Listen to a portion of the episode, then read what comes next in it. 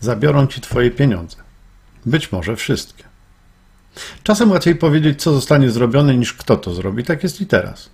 Mniej będziemy się skupiać na szukaniu winnych, a bardziej na tym, co się dzieje i dlaczego się dzieje. A dzieje się, bo jeśli teraz słuchasz tego podcastu, to wiedz, że Twoje pieniądze najprawdopodobniej właśnie teraz, dokładnie w tym momencie, znikają. Choć Ty tego zupełnie nie widzisz, całkiem tak, jak nie widziała tego parę tygodni moja przyjaciółka Ada. Z Adą wszystko zaczęło się od nominalnych i realnych stóp procentowych.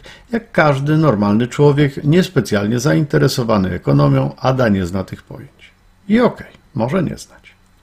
Ale będąc jednocześnie duszą wysoce artystyczną, mocno się zdziwiła i spojrzała na mnie z pewną niewiarą, gdy jej powiedziałem, że obecnie od trzymania pieniędzy w banku tych pieniędzy ubywa, czyli robi się ich mniej. I jak to?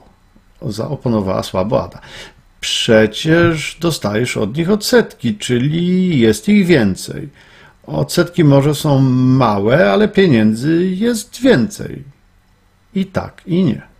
Tak, bo nominalne stopy procentowe, jakie oferują nam banki, są dodatnie, choć ostatnio rekordowo niskie i bliskie zeru, ale dodatnie. Problem w tym, że inflacja zmora tych podcastów, ciągle obecna w naszych nagraniach, za co przepraszam i obiecuję poprawę, owa inflacja nie jest taka niska. Jeśli, drogi słuchaczu, uzbierałeś w pocie czoła 100 tysięcy złotych i trzymasz je na lokacie w banku, bo ta stuwa to jednak za dużo, by kupić samochód, a za mało, by kupić mieszkanie, co ostatnio jest bardzo trendy, to po roku zamiast 100 tysięcy będziesz mieć powiedzmy 100 tysięcy i 10 złotych. Tak.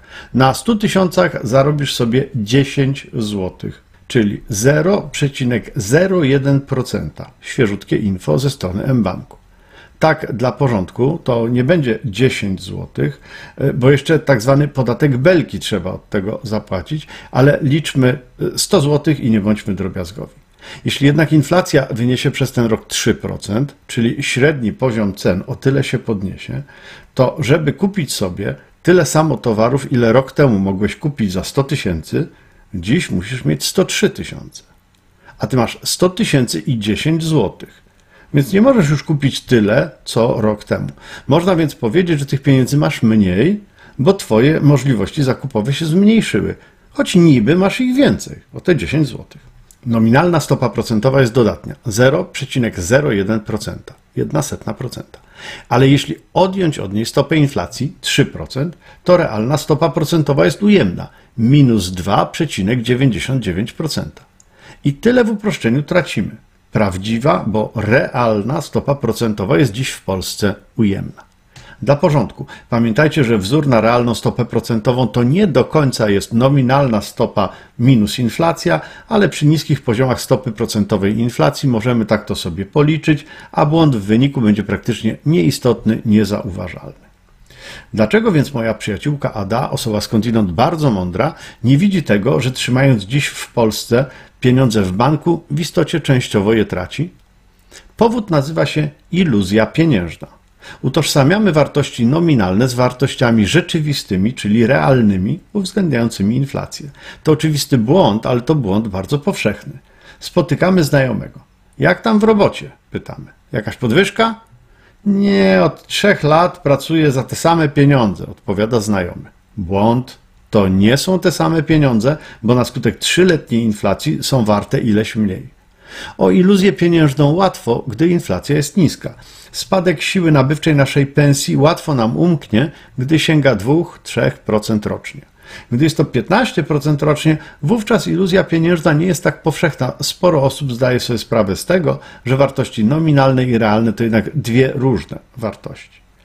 A gdyby tak w bankach pojawiła się ujemna nominalna stopa procentowa, wszak dziś jest tak bliska zera, 0,01%, czemu nie może być ujemna?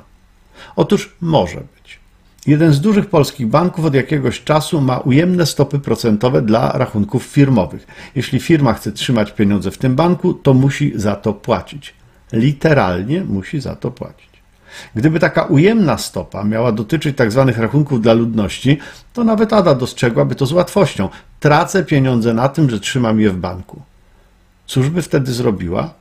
W jednym z kolejnych odcinków, może nawet w tym najbliższym, przyjrzymy się temu scenariuszowi. Będzie bardzo ciekawie, obiecuję. Ujemna stopa procentowa to jeszcze nic. Może dla nas rzecz dziwna, ale historia zna takie przypadki. O tym też opowiem już niedługo, ale prawdziwy hit zostawiłem na koniec. Już w przyszłym roku Chiny chcą wprowadzić cyfrową walutę, cyfrowego yuana. Chcą w ten sposób zdążyć przed planowanymi tam zimowymi igrzyskami.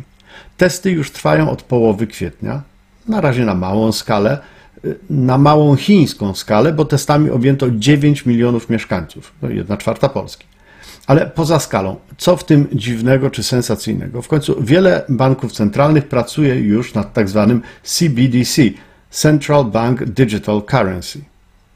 Sensacyjne jest to, że chiński cyfrowy yuan ma być jak szynka konserwowa. Dokładnie jak szynka.